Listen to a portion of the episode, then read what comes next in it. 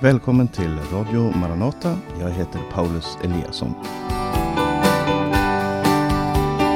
Det har kallats för glädjens brev, men är skrivet ifrån ett fängelse av en apostel som kände sig övergiven av alla han kände.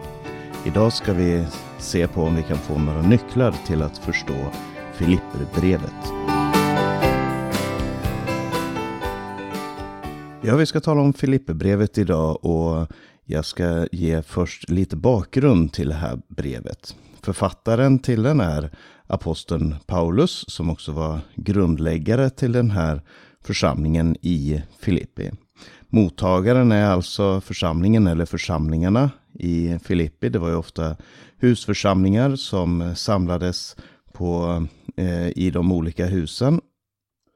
Och antagligen så var inte det här en särskilt stor församling. Det var nog ganska förhållandevis liten. Kanske en ja, 20, 30, 50, max 100 personer som tillhörde församlingen i Filippi. Eh, grundläggandet av den här församlingen kan man läsa om i Apostlagärningarnas 16 kapitel. Eh, där kan man läsa om Filippi och när man läser historien om Filippi så vet vi att det var en rekreationsort och eh, eh, för soldater och en plats där soldater ofta eh, åkte när de pensionerade sig. Det var alltså en stad som var grundlagd med den eh, tanken, eller som hade fått den här tanken att det skulle vara en plats för soldater.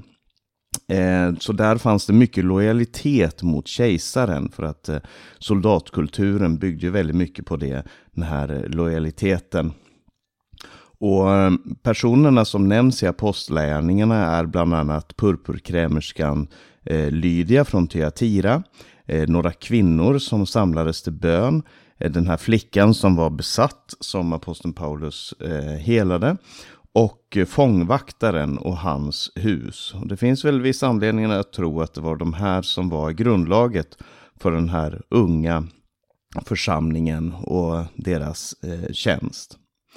Ehm, en nyckel till att förstå eh, det här brevet är att förstå aposteln Paulus situation när han skrev det. Han satt nämligen i fängelse. Ehm, och precis som han hade suttit i fängelse då han var i Filippi. Och när han var i Filippi tillsammans med Silas så kan vi läsa att eh, han satt i fängelse och tillsammans så prisade de Gud i det här fängelset tills bojorna eh, brast. Och det var nog en berättelse som var väldigt levande i församlingen i Filippi. Eh, och man kan se vissa alluderingar till den här berättelsen och hur han eh, använder, han, han, säger inte ja ni kommer ihåg när jag eh, och så och så, och så vidare. Utan han, han alluderar till den här händelsen och deras egen upplevelse.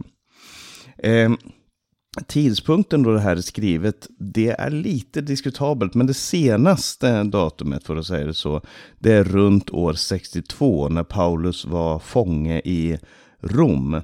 Eh, och han säger också i det här brevet att eh, han, medan han nu var fånge så hade hela kejsarens hushållning, kejsarens livvakt, fått eh, höra om eh, Jesus. Och eh, det, det gör att han Eh, man antar att det var då i Rom. Men det finns andra eh, förslag. Det kan ha varit under en fångenskap i Efesus runt år mellan år 52 och 55 någon gång. Eller då han satt som fånge i Caesarea. Alltså innan han då blev skickad till Rom runt år 57 till 59. Ehm, men vi vet i alla fall utifrån brevet att han eh, var i husarrest. Han var, eh, väntade på att få sin dom. Och eh, genren som den här är skriven i, det är genren epistel. Och det kan man se bland annat på hur den öppnas, inledningen och avslutningen. Den är skriven som ett brev. Och de, när man ska läsa de bibliska breven så finns det någonting som är väldigt viktigt att fråga sig och det är kontexten. Varför skrivs det här brevet? Till vilken situation? Vilken, vilken situation är det brevet behandlar? För att de allra flesta breven är skrivna med specifika problemställningar in mente. Eh, så vad var anledningen att eh, FS, eh, Filipperbrevet skrevs? Jo, för det första så hade en ifrån församlingen i Filippus, Epafroditus, hade kommit med en gåva till Paulus. En gåva från församlingen. Så församlingen hade skickat honom en gåva när de fick höra att han satt i fängelse. Och han kallade det för en väldoft. Vi vet inte vad, riktigt om det är bokstavligt eller bildligt talat. Men de hade kommit med en gåva och sen hade Epafroditus blivit väldigt sjuk under en period. Och därför skriver Paulus det här brevet för att eh, berätta att Epafroditus nu mår bättre och att han är på väg att komma tillbaka till församlingen. Det andra är för att berätta om sin egen situation. Han hade hört att församlingen i Filippi var oroliga för honom. Så han berättar om sin egen situation i fängelset och sina tankar omkring det. Så på det sättet så är det en slags tröst till de här Filipperna. Eh, det tredje är att Paulus alltid när han skriver sina brev, om det så är de mest personliga som Filemon eller, eller Timoteusbreven, så, så utnyttjar han alltid tillfället för att säga någonting om Jesus. Eh, så han, han vill säga, berätta någonting om vem Jesus är och vad det betyder för oss.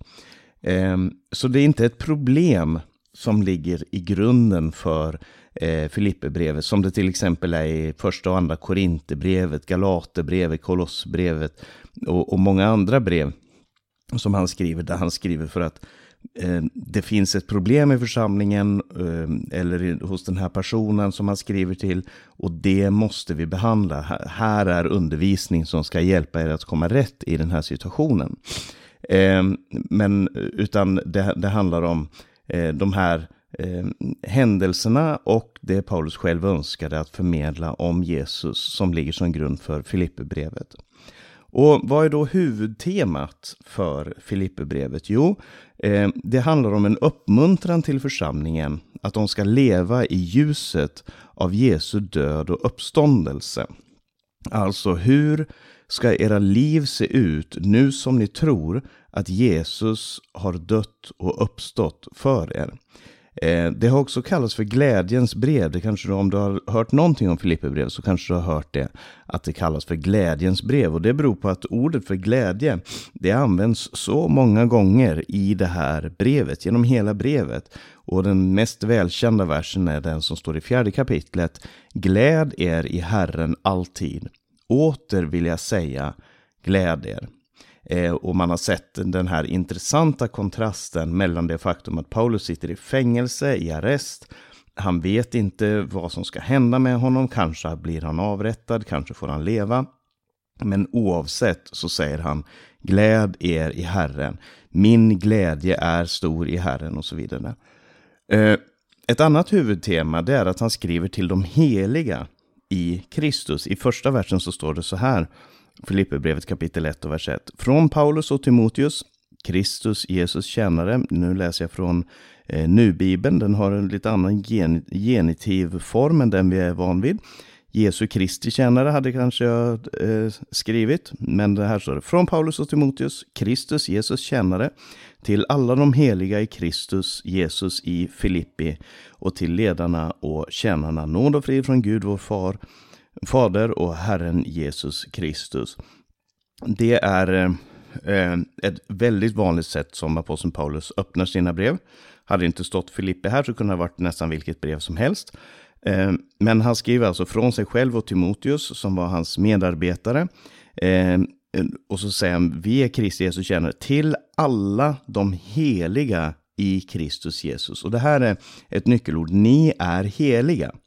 Eh, och, och, för oss så kanske det här verkar bara som ett eh, kristet uttryck. Eh, men, men för dem så handlar det här om, om en tjänst. Är man helig så har man en tjänst. Är man helig så är man avskild för någonting. Och det är mycket det som eh, Filipperbrevet handlar om. Om församlingens och de troendes unika position som eh, eh, heliga i Kristus. Och sen kanske det, den viktigaste centrala temat i Filipperbrevet, det är den Kristushymn, eh, eller den berättelse om Kristus. Den är skriven på ett väldigt poetiskt sätt, så det kan hända att det här var en sång som man sjöng. Eh, och, och det, det, är ett väldigt intressant tema i sig själv, men det finns en, en, eh, en hymn här i kapitel 2 från den sjätte versen. Jag kan ta och läsa den faktiskt. Det står så här. Ha samma, från den femte versen, ha samma inställning som Kristus Jesus hade. Och så kommer det här. Fastän han till sin natur var Gud, ansåg han inte sin jämlikhet med Gud vara något att hålla fast vid. Nej, han avstod från allt, antog en tjänares gestalt och blev lik en människa. Till det yttre blev han en människa, han gjorde sig ödmjuk och lydde ända in i döden, döden på ett kors. Därför har Gud upphöjt honom över allt annat och gett honom det namn som står över alla andra namn, för att alla ska böja knä för Jesu namn, både i himlen och på jorden och under jorden, och alla bekänna att Jesus Kristus är Herren, så att Gud, vår Fader, blir ärad. Det är eh, den viktigaste texten i Filipperbrevet. Eh, och det är den som allt det här kretsar runt omkring. Vad betyder det om Jesus är allt det här som vi sjöng om i den här sången som vi talar om här, vad betyder det om, om utgångspunkten är ha samma inställning som Kristus Jesus hade? Man lär sig av Kristi inställning till saker och ting. Eh, så det är då huvudtemana i, eh, i Filipperbrevet. Nu ska vi gå till det första kapitlet.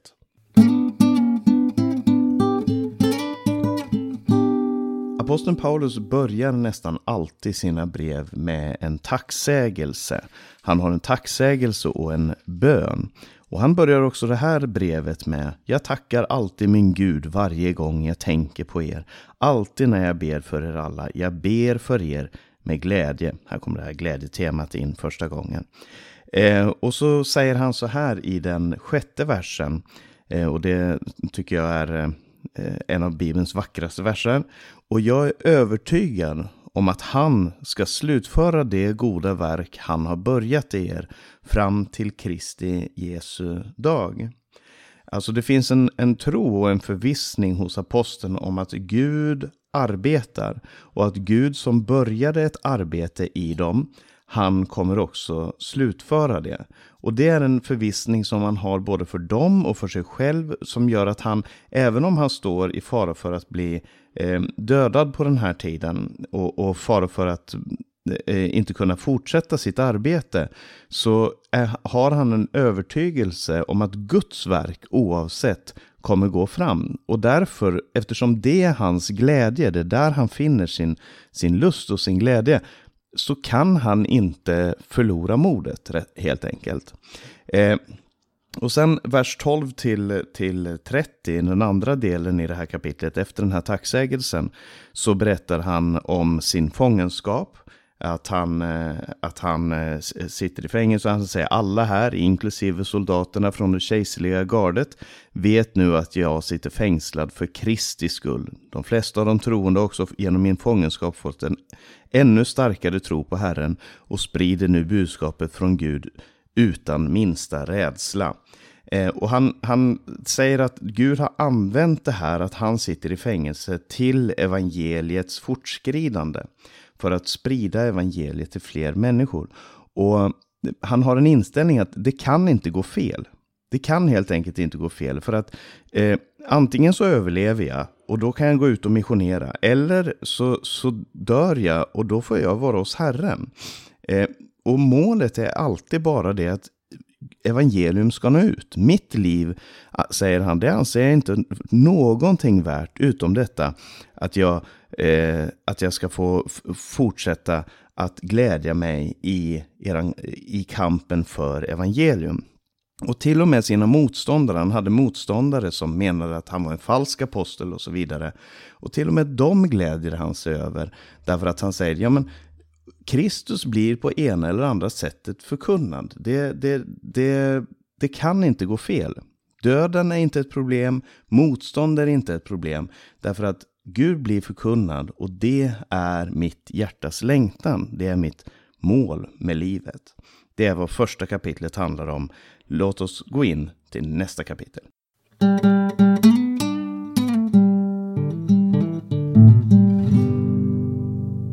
Kapitel 2 i eh, Filipperbrevet tar eh, upp den här, just den här Kristushymnen som jag nämnde här. Och det som gör det här så relevant för församlingen i Filippi är, som jag sa innan, att eh, eh, Filippi fanns det en väldig lojalitet emot kejsaren och hans eh, person och hans eh, anspråk och vem han var. Eh, och så att människor blev formade efter kejsarens sätt att vara. Han var eh, gudomlig och han, han var också den som var eh, utgångspunkten för vad det betydde att vara en romersk medborgare. Och därför så går, eh, försöker Paulus undervisa församlingen i vad det betyder att ha Jesus som kung, som härskare och herre. Och att leva som honom och inte som Caesar. Och det som är skillnaden är att Jesus var till sin natur Gud. Alltså inte som Caesar som, som menade sig vara Gud, utan till sin natur var han Gud. Men han avklädde sig. Han eh, eh ansåg inte sin jämlikhet med Gud vara något att hålla fast vid. Han avstod från allt, antog en tjänares gestalt och blev lik en människa. Medan människan Caesar försöker bli Gud, så önskar Gud att bli en människa för att kunna frälsa människor. Därför har han blivit upphöjd och därför bekänner vi att han är Herre. Så det är eh, utgångspunkten i eh, kapitel 2. Att Messias, till skillnad från både kejsaren och den första Adam, för han, det här är ju ett, en tematik som går genom hela Bibeln, så uttömde Jesus sig själv. Adam ville bli Gud, eh, han ville bli lik Gud, men Kristus, han blev lik människa. Han tillät sin förödmjukelse. Och han visar att upphöjelse går genom förödmjukelse. Och den här texten är också en väldigt viktig text när det gäller hur han beskriver eh, Jesus som Gud, fastän han till sin natur var Gud. Och det kan vara en viktig text att komma ihåg när man samtalar med till exempel Jehovas vittnen eller muslimer eller andra som, som gör anspråk på att eh, tro på Bibeln, eller till viss del tro på Bibeln, eh, men som förnekar eh, Jesu gudom. Eh, Sen i, i här, vidare i det här kapitlet så talar Paulus om två av sina medarbetare som redan har nämnts i brevet och som jag nämnt också. Det är Timoteus och Epafroditus. Och han använder de här två som exempel på människor som är som Jesus. Timoteus som har en väldig omsorg för församlingen. Han säger så här i vers 21. Alla andra ägnar sig bara åt sina egna intressen, men inte det som tjänar Jesus Kristus. Men ni vet, ni vet vad Timoteus har visat prov på. Eh, så han tar Timoteus som ett exempel på en människa som lever som Jesus, som han talade om här innan. Har den samma inställning som Kristus Jesus hade. Och sen Epafroditus också. Han är också en person som riskerade sitt liv för, för Paulus skull, för evangeliets skull. Och han tar honom som exempel på en person som lever så som Jesus Kristus själv levde. Och i kapitel 3 så tar Paulus sig själv som exempel. Eh, han, han talar om sig själv att han hade så många olika saker som han kunde vara stolt av i den här världen. Och I vers 4 så står det i kapitel 3. Om det räckte med att förlita sig på det yttre, då skulle jag själv ligga mycket bra till. Om någon kan skryta över sådant så är det jag. Jag blev omskuren när jag var åtta dagar gammal. Jag tillhör Israels folk av Benjamins stam. Jag är hebre, född av hebreer. Vad lagen beträffar en farisé och så vidare. Eh, men så säger men allt detta som en gång var en vinst för mig anser jag nu vara en förlust för Jesus, för Kristus skull. Ja, allt annat är en förlust när man jämför det med den oändliga rikedom det är att få känna i Kristus Jesus, min Herre. Och han tar sig själv som ett exempel och, och, i vers 17 i det tredje kapitlet så säger han Syskon, ta mig till föredöme och lär er av dem som lever efter det exempel vi har gett er.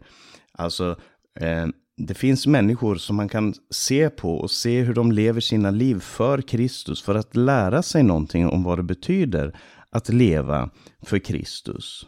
Eh, och sen så riktar han en speciell eh, hälsning till dem och säger vi har vårt medborgarskap i himmelen. Medborgarskapet, det för en, en romare så handlar ju det väldigt mycket om privilegier, rättigheter och lojalitet. Var stod ens lojalitet någonstans? Och eh, de talar här om, eh, han talar här om att vi har vårt hemland i himlen och därifrån väntar vi också honom som ska rädda oss, Herren Jesus Kristus. Han ska genom sin kraft förvandla vår förnedrade kropp så att den blir lik den kropp han har i sin härlighet, för han har makt att lägga allt under sig. Så det handlar om likheten med Kristus och den ska fullkomnas när Jesus kommer tillbaka. Och sen så eh, kommer vi till det fjärde kapitlet där han säger så här att ni också som har hört det här, ni ska också leva som Jesus. Han har tagit först talat om Kristus, sen har han tagit tre exempel, Timoteus, Epafroditus och sig själv som exempel. Och sen alla vi, vi har vårt medborgarskap i himlen och det har ju ni också. Och därför så uppmanar han den här församlingen att leva i frid med varandra. Så säger han i kapitel 4 och vers 2, så vill jag be Eodia och Syntyka att vara eniga i Herren. Och jag ber dig, min trogna medarbetare, att hjälpa dessa kvinnor, för de har kämpat för evangeliet tillsammans med mig, liksom Clemens och mina övriga medarbetare som har sina namn skrivna i Livets bok. Vi har våra namn skrivna i Livets bok och därför så ska vi leva i fred med varandra. Och sen så säger han det här, kom till Gud med era känslor. Låt Gud i allt få veta vad det är ni bär på. Eh, kom, när, när ni tycker att det är svårt, så kom till Gud med det här. Och det är aposteln Paulus hälsning. Och jag ska ta med en sak till. Det är, det är det sista kapitlet, så vi är färdiga med det här brevet. Men jag ska ta med en sak till och det gäller författarskapet, eller kompositionen av det här brevet.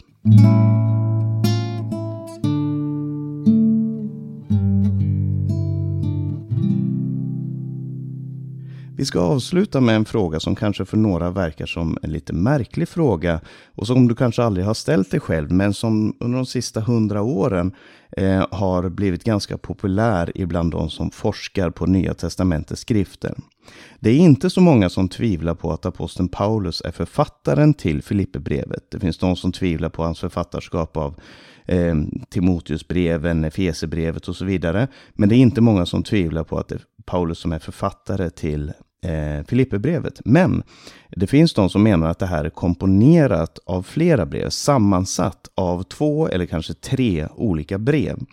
Och det baserar man på bland annat sånt som det står i kapitel 3 och vers 1 så verkar det som en slags avslutning där det står Och så mina syskon, gläd er i Herren. Det är inget besvär för mig att återigen skriva om samma sak och det är en trygghet för er. Och där tänker man att här är en slags avslutning på brevet och sen helt, för helt plötsligt så får Paulus en helt annan ton. Eh, till helt annat tonläge, det verkar som han pratar om någonting helt annat. Han har precis sagt gläder i Herren och så säger han så här, akta er noga för dessa hundar, dessa med sina onda handlingar, dessa som skär sönder kroppen. Verklig omskärelse handlar om oss som tjänar Gud i anden, har vår stolthet i Kristus Jesus och inte förlitar oss på det yttre. Och då har man utifrån interna bevis, alltså det som texten verkar säga, så har man sagt att det verkar som att eh, det är två olika brev här. Och det finns också de som menar att i kapitel 4 och vers 10 så, så eh, sker det någonting nytt. Att, eh, att det är inskjutet ett litet brev där också. Eh, och, men problemet med det här är för det första att det bygger på en del antaganden som inte kan styrkas med externa bevis. Och med externa bevis menar jag till exempel handskrifter, eh, någon som har nämnt det här eller någon som, eh, alltså på den tiden, som eh, påstod det här och så vidare. Eh, det, det, finns inga handskrifter av Filipperbrevet som har variationer i textmassan. Och det ska man tänka på att Nya Testamentets skrifter blev spridda över en väldigt brett område, väldigt stort område, väldigt tidigt. Så det fanns ingen central organisation som styrde vad som var i Nya Testamentet. Varje församling hade sin kopia. Eh, och det tyder på att om det skulle vara så att det här är brev som är sammansatta så, så eh, skedde det väldigt, väldigt tidigt innan man började sprida de här handskrifterna överhuvudtaget. Det andra är att alla Paulus brev har med en inledande hälsning och en avslutning. Och det har Filipperbrevet, men bara en.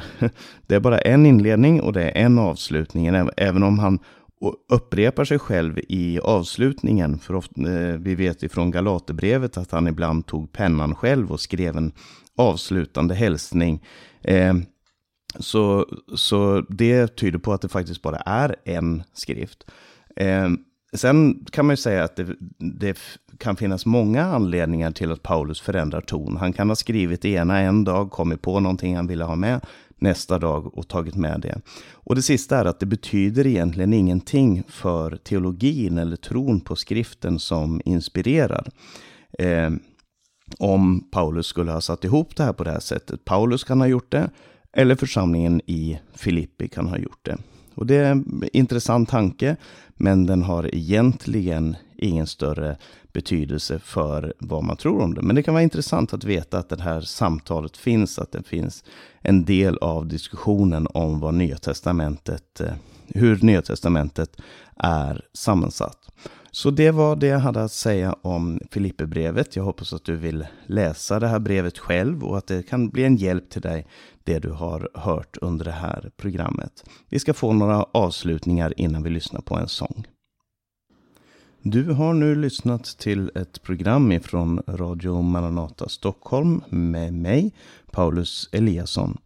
Vi sänder över Stockholms närradio 88 MHz och de här programmen läggs också ut som podcast på till exempel Acast eller Apple Podcast eller där du vanligen hör på podcaster.